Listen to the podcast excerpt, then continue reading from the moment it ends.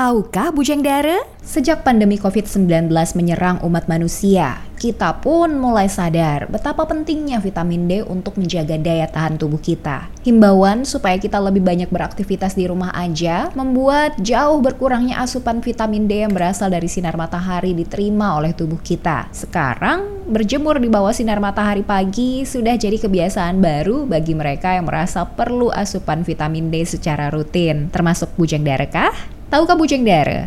Asia Selatan yang negara-negara di dalamnya termasuk negara tropis malah punya tingkat vitamin D terendah. Apa sih penyebabnya?